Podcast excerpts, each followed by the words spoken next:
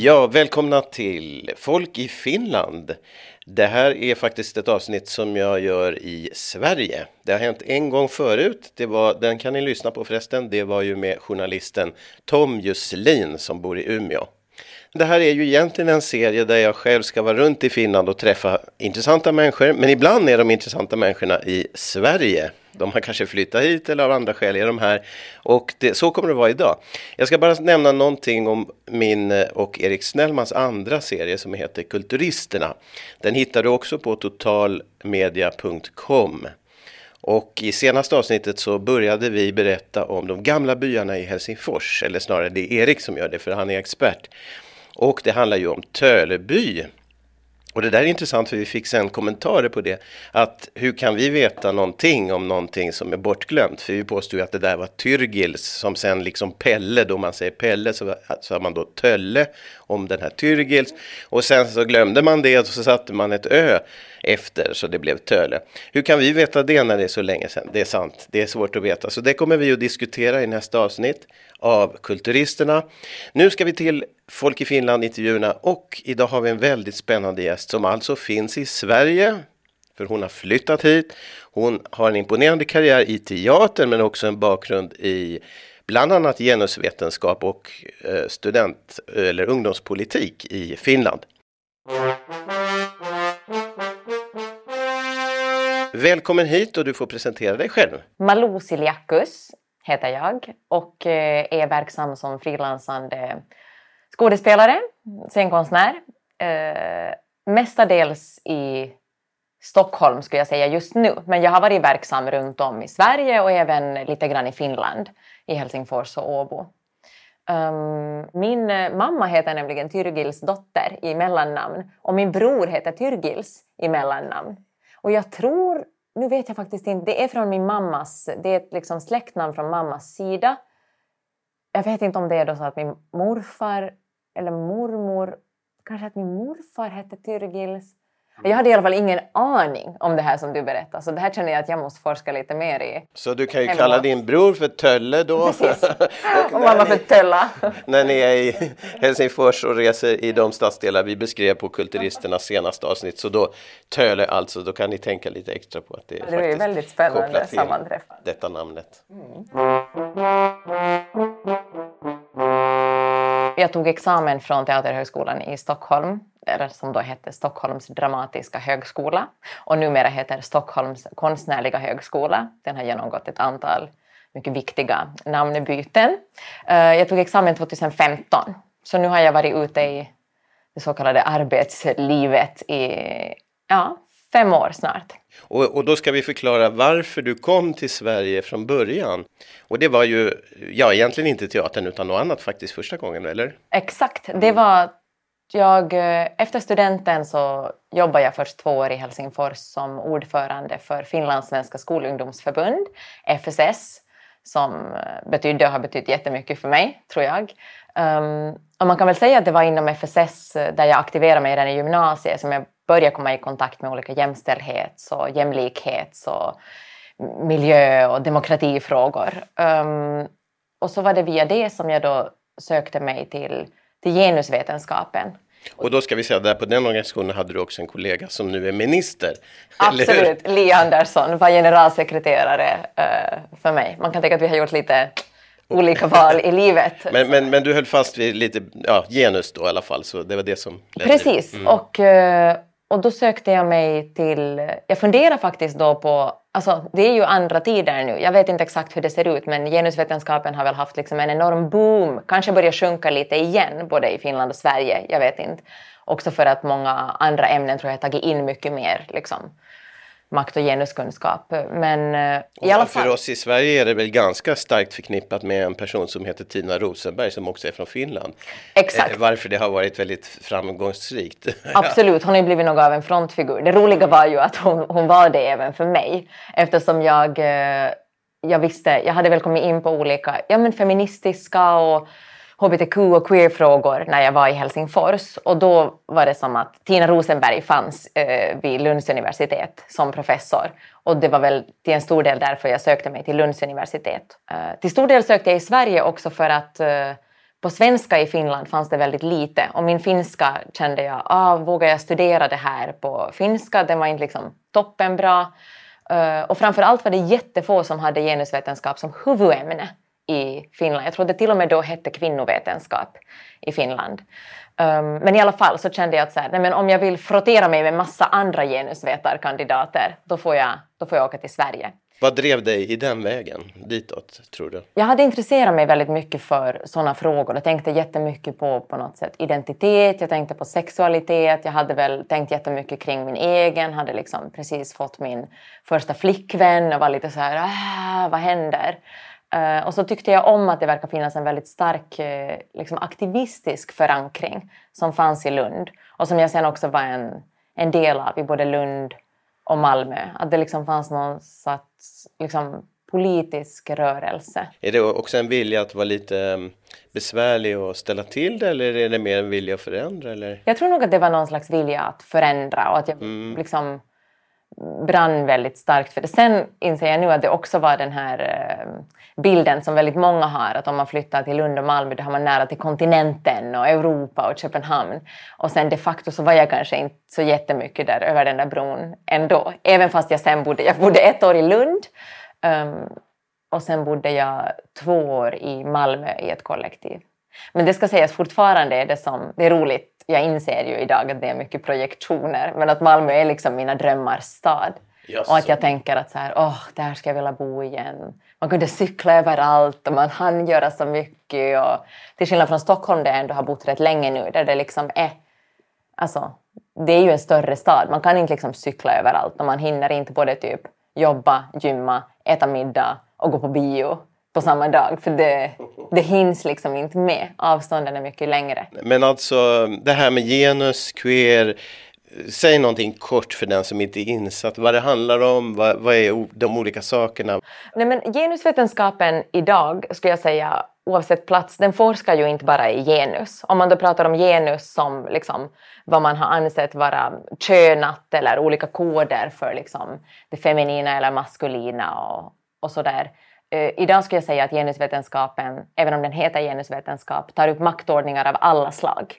Uh, och uh, diskrimineringar av olika saker, olika former av förtryck och också väldigt mycket intersektionalitet, det vill säga att olika förtrycks och maktordningar kan liksom skära genom varandra och korsa genom varandra. Och det kan, det kan se väldigt olika ut. Alltså om du är liksom en vit medelklassman i rullstol så kanske ditt liv ser annorlunda ut än en, uh, jag vet inte, rasifierad medelklass uh, eller överklasskvinna som är chef någonstans. Alltså att det helt enkelt det kan se ut på olika sätt och, och då kan det man kan behandlas olika när man är på jobb eller på fritiden eller sådär.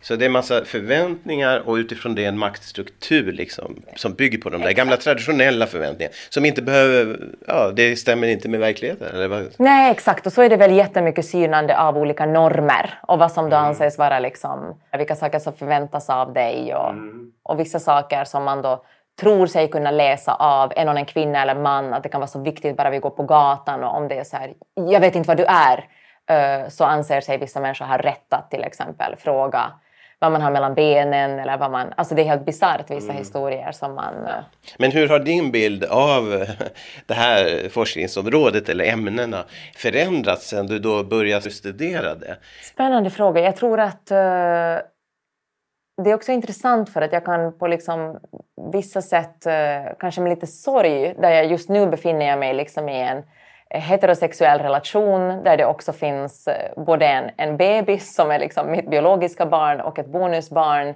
Där vi ju, även om vi lever i någon slags bonusfamilj så är det ju väldigt mycket så här barn och familj. Jag kan känna mig ibland väldigt mycket som liksom normen och här går jag till min så normativa vardag. Eh, och det är ju något jag har valt och det är något jag vill men jag befinner mig liksom ganska långt ifrån någon slags aktivistisk kärna. Eh, och jag skulle liksom inte egentligen vilja att det var så att ah, det där hör ungdomen till. Uh, det som hände mig när jag började studera var nog jättemycket att jag började liksom bli tvungen att syna mina egna privilegier och se på min egen bakgrund och kanske uppväxt och, och på mig själv på ett sätt som var liksom, alltså utsatte mig och min person och saker som jag såg som självklara eller tog för givet för något slags kritisk granskning. Och Mm. Det var ganska jobbigt. Hur hanterade du det då?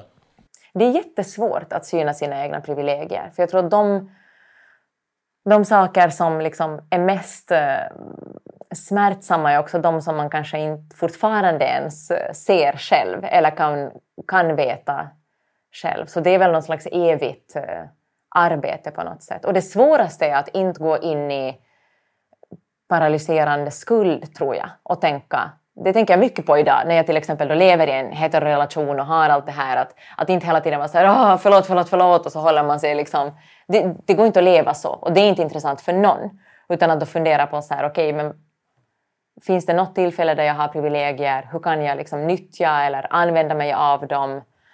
Uh, hur kan jag på något sätt fortsätta tänka och reflektera och framförallt lyssna?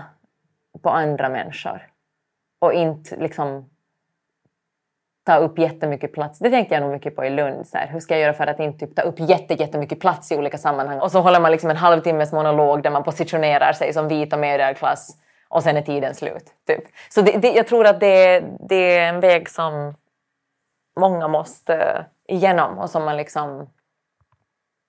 Men jag skulle säga att det tar nog aldrig slut. I princip oavsett var man befinner sig behöver man ju reflektera över... Och man hamnar ju hela tiden på nya platser och behöver fundera på sin egen position utan att för den skull liksom granska sönder sig och bli så ängslig att man till slut inte kan göra någonting. Jag tror inte att det gynnar någon. Ja, och för, och för, din egen del då så, så vrider du lite på din karriär då efter ett tag och, och mm. från det här att tona ned ja. så ställer du dig ju faktiskt på scenen i centrum och kommer in helt enastående på det som hette för mm. Teaterhögskolan i Stockholm som är det absolut svåraste i Norden att komma in på. Det lyckas det det? du med. Det visste jag inte ens. Ah, ja. Men i alla fall, du, du, du väljer då och, och uh, ger in på den banan. Ja. Och vad, vad var det när kom det beslutet? När blev det? Så på något sätt har det levt med mig länge. Jag sökte Teaterhögskolan i Finland redan när jag gick i tvåan på gymnasiet. Um, ehm, lite sådär i smyg. Och sen uh, fortsatte jag söka. Medan jag, medan jag studerade genusvetenskap så blev jag väldigt aktiv i Lunds studentteater. Så jag har ju liksom alltid haft, eh, till och med i högstadiet redan så gjorde jag prao på Åbo Svenska Teater och jag var aktiv på Åbo Unga Teater. Så jag har ju liksom alltid haft någon längtan eller dragning till teatern. Men jag tror att det faktiskt det, det, det, blev väldigt besvärligt i mig, framförallt då i Lund, eftersom jag liksom tänkte på allt det här och tänkte det behövs inte ytterligare en sån som jag på teatern.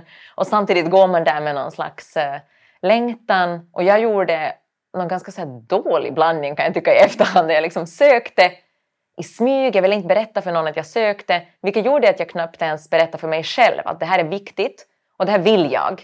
Eh, tydligen. Det här kanske skulle kunna vara min liksom, arena för förändring. Uh, utan istället var det som att jag började repa liksom, natten innan proven och ibland gick jag vidare men sen gick jag inte vidare. Och, uh, det, var, det var inte så bra. Men när du så, sa att teatern behöver inte en till sån här, vad menar du då? Ja men då menar jag nog kanske vit medelklasskvinna. Mm. Typ. Och sen ska vi tillägga att namnet Siliakus är ju inte helt obekant i kulturkretsar i Finland. Särskilt Nej. på teatern. Nej, det tyckte jag väl i och för sig var lite skönt när jag började söka i Sverige. Där hade ändå ingen någon aning om vem jag var. Min mm. pappa är ju liksom litteraturvetare så i svensk Finland var det nog mer uh, på något sätt känt. Men i, i Sverige kanske att några kände till liksom. Men, men för de flesta var det ändå, ja, man, man hade inte så bra koll på vem jag var eller vem Siliakus var. På något vis. I alla fall då valde jag att, eh, då sa jag till mig själv så här, Malou kom igen, nu behöver du eh, ägna dig åt det här, inte så där vid sidan av utan på riktigt. Och så sökte jag ett par folkhögskolor och så kom jag in på Vännäsbergs folkhögskola i Göteborg. Och där var det som att jag bara okej, okay, nu hänger jag mig åt det här på riktigt och så får vi se om jag fortfarande tycker att det känns kul och viktigt. Och nu söker jag i så fall scenskolor så att jag på riktigt repar med kompisar i månader och försöker liksom lyssna på den här längtan.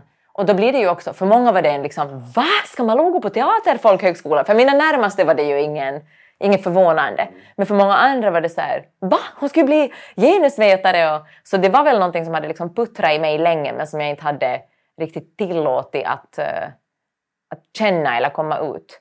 Och då kom jag in.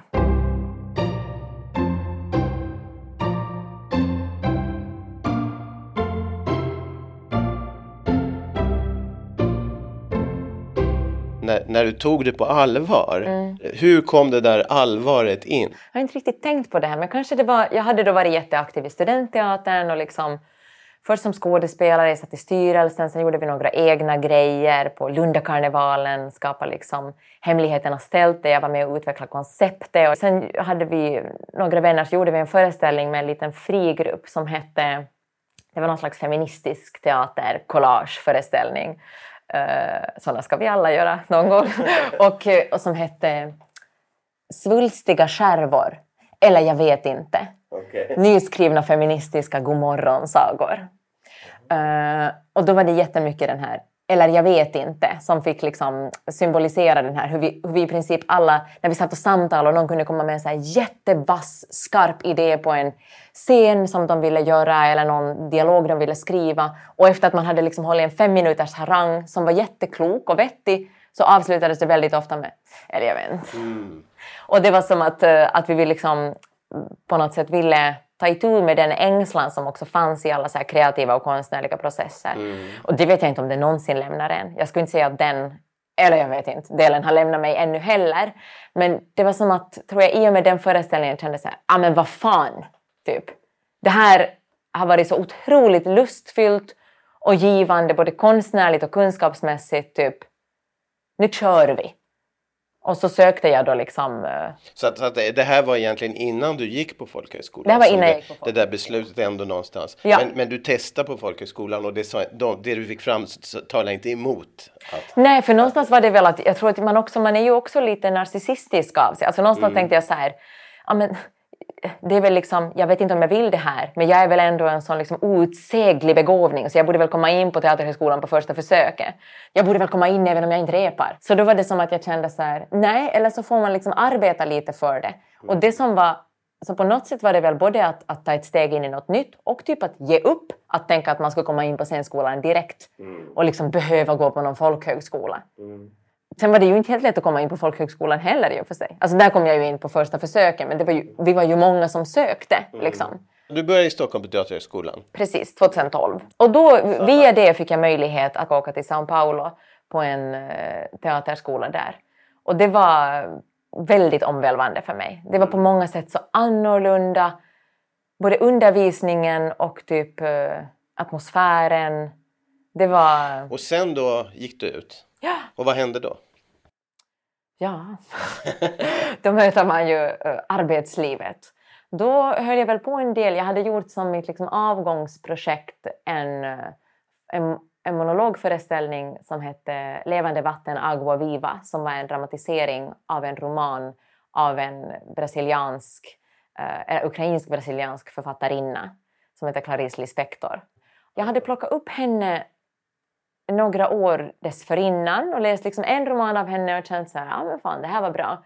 Men sen var det nog eh, precis innan jag åkte till Brasilien som jag började läsa henne ännu mer och helt så här, men hon är ju helt makalös. Alltså, hon skriver vad jag tänker. Jag hade liksom några, eh, vad ska man kalla det, jag vet inte, maniska eller spirituella upplevelser medan jag läste henne och har verkligen slukat hennes litteratur, det som fanns på svenska då. Och sen åkte jag till Brasilien och insåg liksom vilken kultförklarad person hon är i Brasilien. Det var helt också på tal om sammanträffanden. När jag var där så gick jag, jag gick någon workshop som, het, som handlade om Lispector och hennes novellistik. Jag kunde ju ingen portugisiska och så gick jag där och fick liksom prata. Jag fick framföra henne på svenska, ingen förstod. uh, då, det kan jag i efterhand tycka så här, fan vad modigt Malou. Jag gick liksom någonstans och försökte prata jag var där i tre månader och lärde mig liksom i princip portugisiska bara genom att så här, nej. Jag vet inte. Och jobbade jättemycket med Duolingo. Satt liksom, jag kommer ihåg att jag hade huvudvärk på kvällarna för att jag satt liksom så fokuserat i skolan. Nästan ingen pratar ju engelska i skolan. Så det blev liksom ett krav att vi skulle lära oss portugisiska. Jag har nog aldrig liksom lärt mig ett språk så snabbt eller intensivt. Eller lycksaligt för den delen. Alltså jag, var, jag tyckte det var underbart. Jag kände typ att jag men vad, vad, jag menar, du hade redan erövrat den här författaren som hade en tradition Exakt. därifrån. Och det som var så spännande var att då kunde jag ju börja läsa henne på originalspråk. Mm. Uh, vilket, alltså, jag ska inte säga att min portugisiska är perfekt och, och den är ju väldigt rostig nu för tiden men uh, det är fortfarande ett språk som jag bär väldigt nära mitt uh, hjärta. Men, men, men alltså, var det det som gjorde Brasilien-upplevelsen till en så stor grej för dig? Eller var det något annat också? Kring det var nog lite allt kulturen? möjligt tror jag. Mm. Ja, det var nog lite allt möjligt. Att jag kände mig liksom så fri och det var så mycket... Alltså, det låter ju väldigt stereotypt att så här, "Åh, vi gick där och det var liksom så svettigt och så mycket kropp och allt. Och det kanske är liksom min stereotypa läsning av vad som hände. Men det var, det var jätteviktigt för mig. Att man fick svettas och det liksom droppade svett på golvet. Vi halkade i varandras svett. Och, eh, och den här skolan var också mycket mer liksom performanceinriktad än vad jag tyckte att Stockholms dramatiska högskola var. Och plötsligt kändes den ändå väldigt liksom, tillrättalagd. Samtidigt som jag när jag kom tillbaks också kunde se liksom, vilka fantastiska resurser vi hade där. Alltså, I Brasilien behövde vi ibland repa liksom, i någon korridor. På Stockholms dramatiska högskola kunde vi stänga dörren och det var ljudisolerade små rum. Så det var också som att jag kände mig liksom väldigt tacksam åt båda hållen, tror jag, när jag kom tillbaka. Och så gjorde jag då min monologföreställning som fortfarande kanske är något av det liksom, roligaste jag har gjort. För att jag kom... Det var som att jag på något sätt, eh, jag vet inte, vägra inordna mig i något slags... eh, Jag bara, det här är inte jätte... Alltså om jag skulle vilja vara smart och det här skulle bli en föreställning som skulle sälja, då borde jag göra en monolog som handlar om typ mitt finska arv eller något om vinterkriget eller du vet så här, det här var liksom min farmors historia. Och berättelser som säkert skulle vara intressant att berätta men det var inte alls där jag befann mig.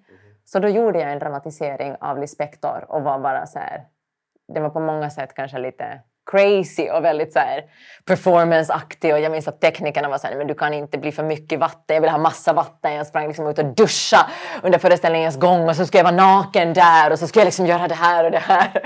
Uh, och inte vet jag om det blev så himla bra men jag älskade och det var liksom, jag hade, den sista veckan var fullständigt horribel. Jag, typ massor av tvivel och jag hatar mig själv och sådär. Men hade du en regissör som du... Nej, Utan Nej jag, var helt, jag var ensam. Men inget yttre öga alls? Jo, den sista veckan, min, eh, en av mina bästa vänner, Johanna Diker, Juppe Diker, som ju är aktiv nu i, på, jobbar på Yle i, i Finland. Eh, hon, ring, hon bodde då i Malmö och så ringde jag henne i panik och sa jag tror inte på någonting av vad jag gör, jag behöver dig. Och så kom hon och eh, var liksom helt fantastisk. Eller hon visste väl precis vad hon såg till att jag liksom typ åt och sov och eh, hon var liksom min personal trainer. Alltså du vet, och så samtidigt var hon att det här kan du vässa ytterligare och du kan vara mer fart där och alltså var verkligen mitt yttre öga och hjälpte mig jättemycket att ro det i hamn till premiär. Det här var ett sånt projekt där man gjorde Alla egna. gjorde sina egna Jaha. projekt, ja. Så ni har också gjort någon slutproduktion Det som gjorde var vi sen. tillsammans Ja, också? X på Unga Klara hette den.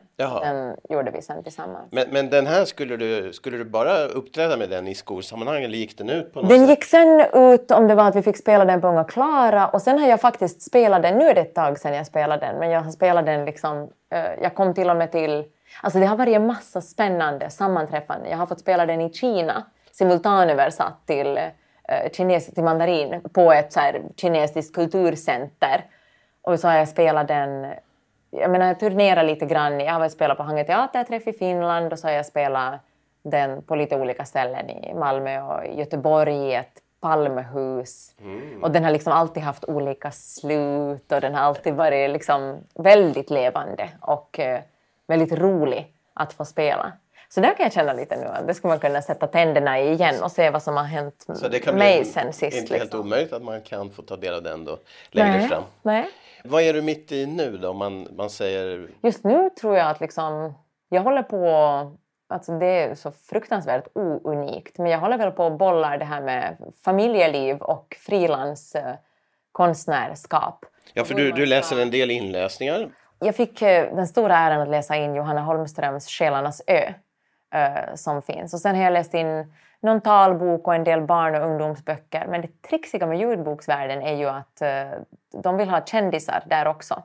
Och jag är ju då lite sådär, vad ska man säga, C eller D eller E. Alltså jag är inte kändis helt enkelt. Så det är liksom lite svårt. De har varit jättenöjda med mina inläsningar.